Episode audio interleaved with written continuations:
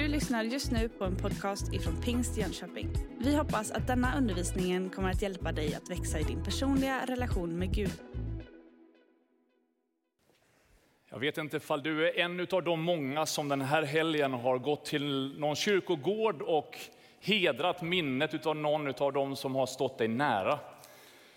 Igår kväll så åkte vi med vår familj till min farmor och farfars grav. Och Skogskyrkogården så där på kvällen när alla dessa ljuslykter och marschaller lyser gör ju att minst, mitt i sorg och saknad så påminns man om vilken kraftfull kraft som finns i ljuset.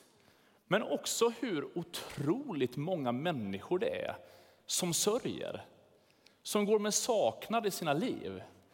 Vi lever ju i en del av världen där vi fokuserar väldigt mycket på lust, passion och lycka, framgång och härlighet. Och vi har Instagram och Facebook och vi har allting där vi visar vårt lyckliga jag. Och ändå är det så många som går och bär på ganska mycket annat i kroppen. Sorgen blir ju sådär påtaglig när någon som står oss nära inte längre finns kvar här på jorden. Men jag märker i mitt eget liv, och kanske är du där också, att Ibland så är det inte kanske en människas död som fyller hjärtat med sorg, utan det kanske är drömmar som inte har gått i uppfyllelse.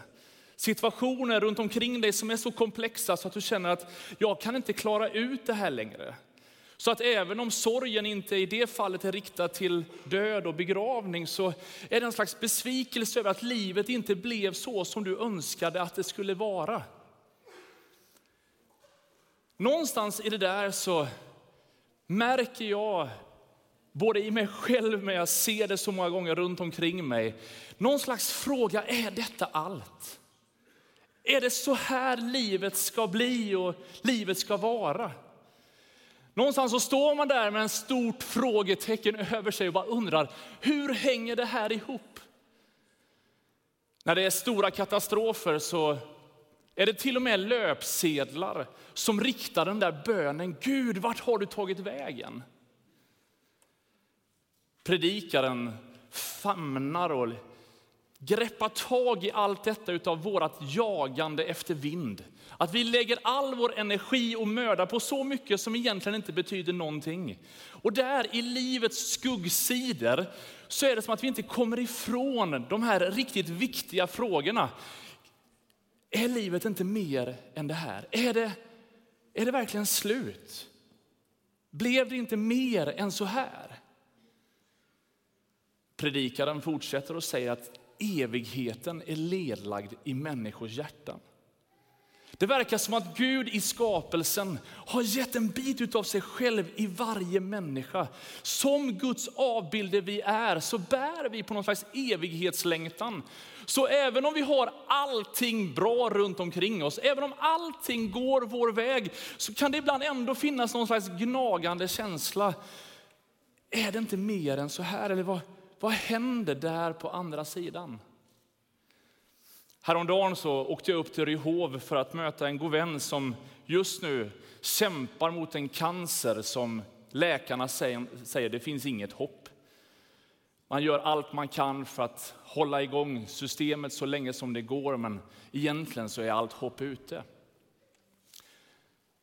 Och där, när vi fick be tillsammans på hans sjukbädd, så är det så påtagligt att den där evighetslängtan och den där någonstans bönen utav Gud, vart är du någonstans? Hur det ändå möter upp oss. Samtidigt så är det som att de här gnagande frågorna ändå kan ligga kvar. Och till och med kan det vara så att det ibland upplevs som om döden vinner. Ibland känns det som om man det, det, det godaste, det härligaste på något sätt inte alltid har ett lyckligt slut. Hemma i vår familj så har vi små barn och varenda familjefilm som vi ser har ett lyckligt slut. Och igår så såg vi på en film, jag och mina stora tjejer, och det var lite sorg och lite jobbiga passager och så frågar de hur kommer det här gå? Och då hör jag mig själv säga, jag bara avslöjar hela pedagogiken och säger, men du, det här är en barnfilm, det har alltid ett lyckligt slut. Och de bara tittar på mig, va? Och ibland så skulle man ju kunna vilja säga så att, ah, men du, livet det, det kan vara besvärligt men det har alltid ett lyckligt slut. Men ibland så känns det som om döden vinner. Ibland så känns det som om det som Gud hade tänkt inte verkar hända eller bli. Adam och Eva, de första människorna på jorden, de levde i lustgården. De hade det så bra som det bara gick. Gud var närvarande varje kväll. Så tog de en promenad där i kvällsbrisen och liksom solnedgången. Och, och någonstans bara njöt av att liksom, Gud hade skapat allting så vackert. Och där var de tillsammans med Gud. Och sen så lyckas djävulen lura dem att äta av den förbjudna frukten. Och de förvisas ut ur lustgården och det som var tänkt för evigt får ett slut. Det verkar som om döden vinner. Lite längre fram så står Noa och hamrar på sin ark. Gud ser hur ondskan har tagit överhanden över världen och säger att jag ska rädda mänskligheten genom dig. Och han spikar på arken, han samlar djuren, han samlar det sina. Säkerligen så var möjligheten öppen för andra att vara med, men det verkar som att ingen tror på vad som ska ske. Och även om Noa räddas från floden och mänskligheten får en andra chans så tar det inte lång tid förrän Noa tar sina sista andetag. Och ondskan än en gång slår ett grepp om världen. Det verkar som om döden vinner. Och vi skulle kunna fortsätta genom Bibelns berättelser. Denna liksom, kung David, man efter Guds hjärta. Ja, han tog också sina sista andetag och dog efter ett tag. Profeterna i Gamla Testamentet de såg långt fram i tiden. Profeten Jesaja såg ända in i himlen, han såg det majestätiska. Och de olika profeterna kunde se mycket av det som skulle ske, men likväl fick de inte se det ske, utan de tog sina sista andetag och det verkade som om döden vann. Det har funnits betydelsefulla människor genom historien. Politiker, vetenskapsmän, massor med goda människor som har gjort fantastiska saker. De har åstadkommit mycket, men alla har de dött. Och man kan stå där på en begravningsplats flera år efter att död har inträffat. Sångerna har liksom ebbat ut. Blommorna har vissnat. Det känns på något sätt som om döden har vunnit. Ibland kan livet, trots att man försöker gå vidare, här på insidan ändå verka. Jag skulle så gärna vilja Gud att du, men det verkar som om du har somnat eller att åren har tagit ut sin rätt även på allsmäktig Gud och han verkar inte allsmäktig längre. Därför blir det majestätiskt viktigt att mitt i våran sorg och saknad, mitt i våran smärta, mitt i våran oro och osäkerhet påminner oss om det Paulus skriver i första Korinthierbrevet. Att detta förgängliga måste kläs i oförgänglighet och detta dödliga kläs i odödlighet. Men när det förgängliga är klätt i oförgänglighet och det dödliga klätts i odödlighet, då uppfylls det ord som står skrivet. Döden var, är uppslukad i seger. Du död, var är din seger? Du död, var är din udd? Dödens udd är synden och syndens makt kommer av lagen. Men Gud var det tack som ger oss segern genom vår Herre Jesus Kristus. Och därför så fortsätter Jesus att säga, jag är uppståndelsen och livet. Den som tror på mig, han ska leva om han än dör. Det finns någonting som bröt in i mänskligheten, där det verkade som om mörkret hade vunnit, som om döden hade vunnit. Där kliver Kristus in, besegrar mörkret och till och med bryter udden av döden.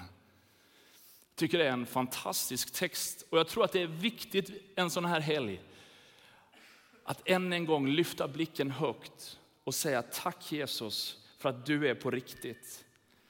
Romarbrevet fortsätter och säger att ty jag är viss om att varken död eller liv, varken änglar eller furstar, varken något som nu är eller något som ska komma, varken makter, höjd eller djup eller något annat skapat ska skilja oss från Guds kärlek i Kristus Jesus, vår Herre. Löftet från himlen är att oavsett hur desperat din situation än verkar, hur verkande sorgen ändå liksom tär i ditt inre, så finns det någon som har klivit ner på den här jorden för att bära din smärta från dig, ge ljus in i din situation. Och han säger att ingenting, ingen läkarprognos, Inga omständigheter, inga miljöförstöringar, inga krig, inga utvisningshot eller vad som kan skilja dig från Kristi kärlek. Du är helt innesluten i hans allsmäktiga händer. Döden har inte vunnit, han har övervunnit döden. Kärleken är så oändligt mycket starkare än döden. Det är nästan på något sätt svårt att ta in i våra sinnen. Den där morgonen då några kvinnor är på väg till graven. De tänker att de ska smörja kroppen så som seden var. Och när de kommer dit så möts de av en tom grav och förvirringen är totalt. Till och med några änglar som säger, varför söker ni den levande här bland de döda? Kristus är uppstånden, säger vi på påskdagen. Ja, han är sannerligen uppstånden. Och jag skulle vilja att du firar påsk den här söndagen tillsammans med mig. Och lyfter blicken över sorg och saknad och säger Gud, tack. För att döden inte är slutet. Utan i tron på dig och de dödas uppståndelse så finns det ett återseende som väntar. Det där löftet om himlen. Det är så starkt och så tydligt att inte krig och miljöförstöring får sista ordet. Var inget mörker. Utan Gud har tänkt återupprättelse för hela skapelsen. Och himlen är på riktigt. Då. Vi har anledning att se fram emot himlen av många skäl. Beskrivningarna utav, av himlen i Bibeln använder många olika bildspråk och en del av de här bilderna är svåra för oss att greppa. Jag hittade en gammal bild på, eh, i, i mitt bildarkiv på två stycken barn som ligger inne i mammas mage. Det är inte mina egna barn för vi har inte fått tvillingar. Men det är som om två barn i magen pratar med varandra och undrar om Gud finns. Och någonstans försöker de prata om, tror du på mamma? Och nej, jag vet inte, jag tror inte på mamma. Har du någonsin sett mamma? Barnen inne i magen kan ha olika uppfattningar om det som ska hända utanför. Och faktum är att frälsningen är likadan, att någonstans faktiskt i tro kunna se det som ännu inte syns. I mötet med Kristus så blir det inte så att du bara får någon slags tröst i nuet, utan du får också en, en framtidsbild som säger att evigheten, himlen är på riktigt. Och hur långt bort i tiden den skulle vara eller hur svårt det är att för oss här och nu greppa hur det ser ut och är där, så finns det ett löfte om himlen. En av de sista kapitlen i Bibeln, i Uppenbarelseboken, så kan vi läsa från kapitel 21 så här om denna nya himmel och jord. Profeten ser en ny himmel och en ny jord. Den första himlen och den första jorden var borta och havet fanns inte mer. Och jag såg den heliga staden, det nya Jerusalem, komma ner från himlen från Gud, redo som en brud som är smyckad för sin man. Och jag hörde en stark röst från tronen. Och nu kommer en beskrivning av himlen. Se, nu står Guds boning bland människorna. Han ska bo hos dem och de ska vara hans folk. Och Gud själv ska vara hos dem och han ska torka alla tårar från deras ögon. Döden ska inte finnas mer och ingen sorg och ingen gråt och ingen plåga. För det som förr var är borta. Och han som satt på tronen sa, se, jag gör allting nytt. Och han sa, skriv för dessa ord är trovärdiga och sanna. Sedan sa han till mig, det har skett. Jag är A och O, begynnelsen och änden. Åt den som törstar ska jag fritt ge ur källan med livets vatten. Den som segrar ska få detta i arv, och jag ska vara hans Gud och han ska vara min son. Ett arv utskiftas inte förrän den som bär på rikedomen dör. Därför så dör Kristus på korset för att du och jag ska få ta del av det himmelska arvet. Som är så påtagligt, som säger att det himmelska innebär att ingen sorg, ingen smärta, ingen plåga, inga tårar mer ska drabba dig. När vi hade bönekvällen här förra söndagen och bad för alla våra asylsökande som kämpade sina processer. När vi lyssnade till Amirs vittnesbörd om hans vädjan efter förbön så tror jag att många av oss som var med den kvällen kan vittna om att nöden tog våra hjärtan och gjorde någonting med oss, märkte oss för alltid. Men det kommer en dag då sorgen inte ska finnas mer. Där smärtan inte längre ska ha något grepp i vår själ. Det som nu verkar så hopplöst för dig. Kanske du har förlorat en anhörig och du känner bara, hur ska jag kunna gå vidare nu? Hur ska jag kunna liksom, på något sätt hitta en ny glädje? Det känns som att all glädje har rinnit ut. Löftet är klart. Det finns en plats där ingen sorg, ingen smärta, ingen plågan. Där Guds närvaro är så påtaglig att du aldrig behöver tvivla på om han finns, om han är vaken, om han hör dig. Utan han slår sin boning i dig, med dig, han går med dig. Och därför skulle jag vilja den här söndagen påminna dig om den bön som Jesus själv har lärt oss att bedja när han säger Låt ditt rike komma. Låt din vilja ske så som i himlen, så och på jorden. När jag har förberett mig för den här gudstjänsten så har jag under flera veckor liksom hamnat i de här formuleringarna tillbaka igen. Och jag tror att Gud på ett särskilt sätt vill uppmuntra dig till att förstå att himlen inte bara är någonting som väntar där borta. Utan alla de löften av Guds tröst, styrka, ljus och liv kan redan nu ske i ditt inre. I Bibelns början så beskrivs skapelsen på ett väldigt påtagligt dramatiskt sätt. Jorden var öde och tom. Och jag vill bara stanna där och tänka, för jag tror nämligen att du finns med i vår gudstjänst den här söndagen. Som just nu upplever att ditt liv känns öde och tomt. Någonting fattas dig. Någonting har tagits ifrån dig. Någonting har gjort att det som förut pulserade av livsglädje, energi, nu känns det som att väldigt många andra saker, nej men det, det, det blir ingen liksom tröst på riktigt. Det, det, det känns som att Glädjen har runnit ur dig. Kanske är det så att det där mörkret som var över djupen någonstans har lagt ett filter, ett lock även över din själ. Men bibelordet fortsätter, det stannar inte där utan det fortsätter. Där Gud kliver in och säger att i den här situationen av öde och mörker så säger Gud, var det ljus. Och i samma ögonblick så som han säger, var det ljus, så blev det ljus.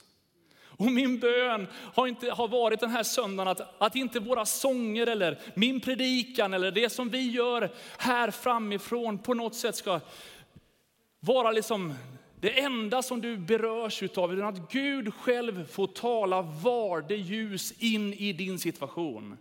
Och på samma sätt som hela världen lyses upp så ska din värld få lysas upp den här söndagen. Att du förstår att det är en levande kraft i evangeliet.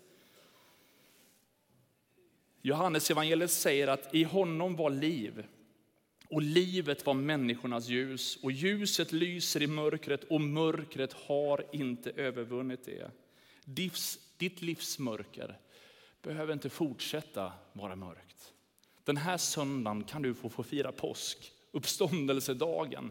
Påminna dig själv om att ditt liv här och nu inte bara är en transportsträcka till sen, utan så som i himlen, så och på jorden.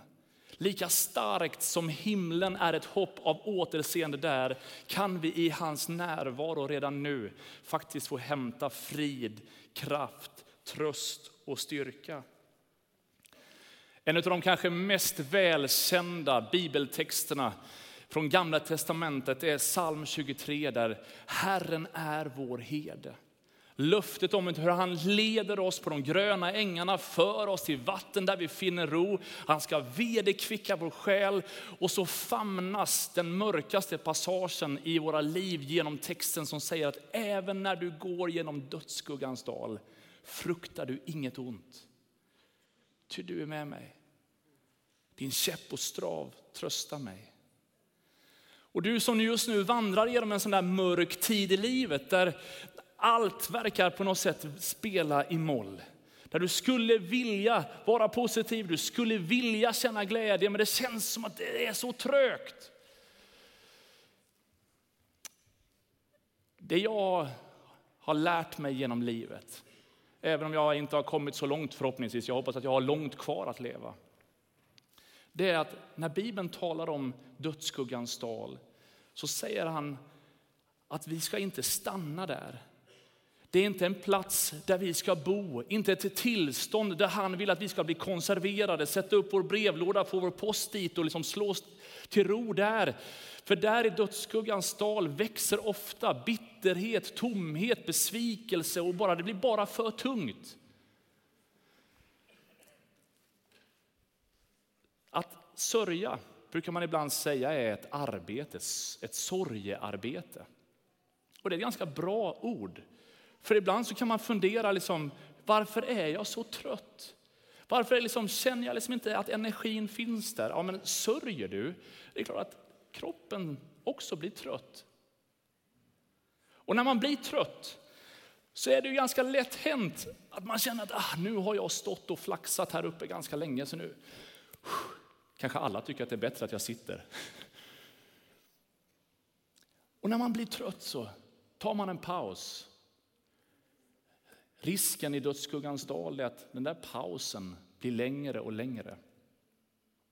Att någonstans energin saknas för att någonstans ta sig vidare. Och till slut så blir det här tillståndet det normala. Och så har jag på något sätt accepterat tillvaron här i mitt mörker, i det tomma och öde. Där behöver du och jag famna Kristus hand som säger Markus, det här är inte platsen jag har skapat för dig. Här ska inte du slå dig ner, här ska du inte vara. Kom så ska jag leda dig genom den här passagen i livet. Han kommer att stå vid vår sida, vara med de där dagarna då vi gråter, då vi i vår frustration känner vrede. Alla känslor, han kommer säga det är okej. Okay. Du släpp ut det. Här i dödsskuggans dal, här får vi klaga, här får vi gråta, här får vi känna smärta. Jag tar dina känslor på allvar, du behöver inte liksom förneka dem. Det är inte det Gud handlar om. Han har klivit ner i våran verklighet. Han bemyndigar oss våra känslor och vår frustration, men han släpper oss inte i det. Utan han säger bara, kom här, jag ska leda, leda dig igenom det. För det finns ett evighetsperspektiv här på andra sidan, ett bord som jag har dukat för dig. En härlighet som står redo, öppen för dig i evighet. Och redan nu kan du få fira den festen tillsammans med mig. Det löftet skulle jag önska att du tar till dig den här söndagen. Låt ditt rike, låt din vilja ske på jorden som i himlen. Den här längtan efter himlen kan ju vara olika påtaglig. Ibland så möter jag människor som har levt en lång sträcka och någonstans har upplevt väldigt mycket och de tänker liksom att ah, men nu, nu längtar jag till den där eviga vilan. Den, kan man ju längta, den eviga vilan kan man ju längta till även innan man har sprungit sin sträcka på något sätt. Man bara känner att livet är intensivt. Men ibland så kan man ju också möta människor som är full av livsknista. Om du såg Niklas Hallmans program från i somras när han intervjuade Alf Svensson och så pratade de lite grann om himlen. Har ni sett programmet? Annars kan ni gå in på SVT Play och se i efterhand. Och Alf Svensson, han får frågan kring som längtar ut till himlen? Bara, Nej, jag längtar till Italien, säger han. Någon slags livsglädje att jag här och nu faktiskt njuta av livet. Och där Guds löfte faktiskt är att här och nu, även om vi längtar till det himmelska, ändå njuta av livet. Andra Korintierbrevet kapitel 5, de första verserna säger så här. Vi vet att om vårt jordiska tält rivs ner så har vi en byggnad från Gud, en evig boning i himlen som inte är gjord av människohand. Därför suckar vi i vårt tält och längtar att få iklä oss vår himmelska boning. Poetiska formuleringar om kroppen som ett tält. För ett tag sedan så var jag på en begravning där en person hade fått lämna livet alldeles för tidigt. Och för att göra det liksom tydligt för alla barn vad det var som på något sätt hände och vem är det som ligger här i kistan? Är mamma i kistan eller vart är hon någonstans? Så säger pastorn som ledde samlingen att den här tiden på året, om vi pratar vinter, då är det naturligt att ha på sig en overall. När det är kallt och mörkt och kyligt då behöver man ta på overallen så att man är liksom varm och liksom härligt. Men om det är mitt i sommaren, då är det ju värdelöst att ha på sig overallen. Och alla barnen bara, ja så är det ju. Nu har mamma lagt ifrån sig sin overall. Här i kistan ligger egentligen bara den där overallen som behövdes här på jorden. Nu är hon på en plats där det är så varmt och så skönt så att den här jordoverallen den passar ju inte där. Och alla barn bara, ja så är det ju. Och vi skulle ibland behöva lära oss, även som vuxna barns självklarhet. Att vi ibland suckar i vår kropp och känner bara, ah, är det här allt? Vart ska det här ta vägen? Vad gör jag med allt detta? Det är helt okej. Okay. En dag kommer även vår kropp helt och fullt få bli den där uppståndelsekroppen som inte längre bär sjukdom i sin. Du har just lyssnat på en podcast ifrån Pingst Jönköping. För att få reda på mer om vilka vi är och vad som händer i vår kyrka så kan du gå in på pingstjonkoping.se eller följa oss på sociala medier via pingstjkpg.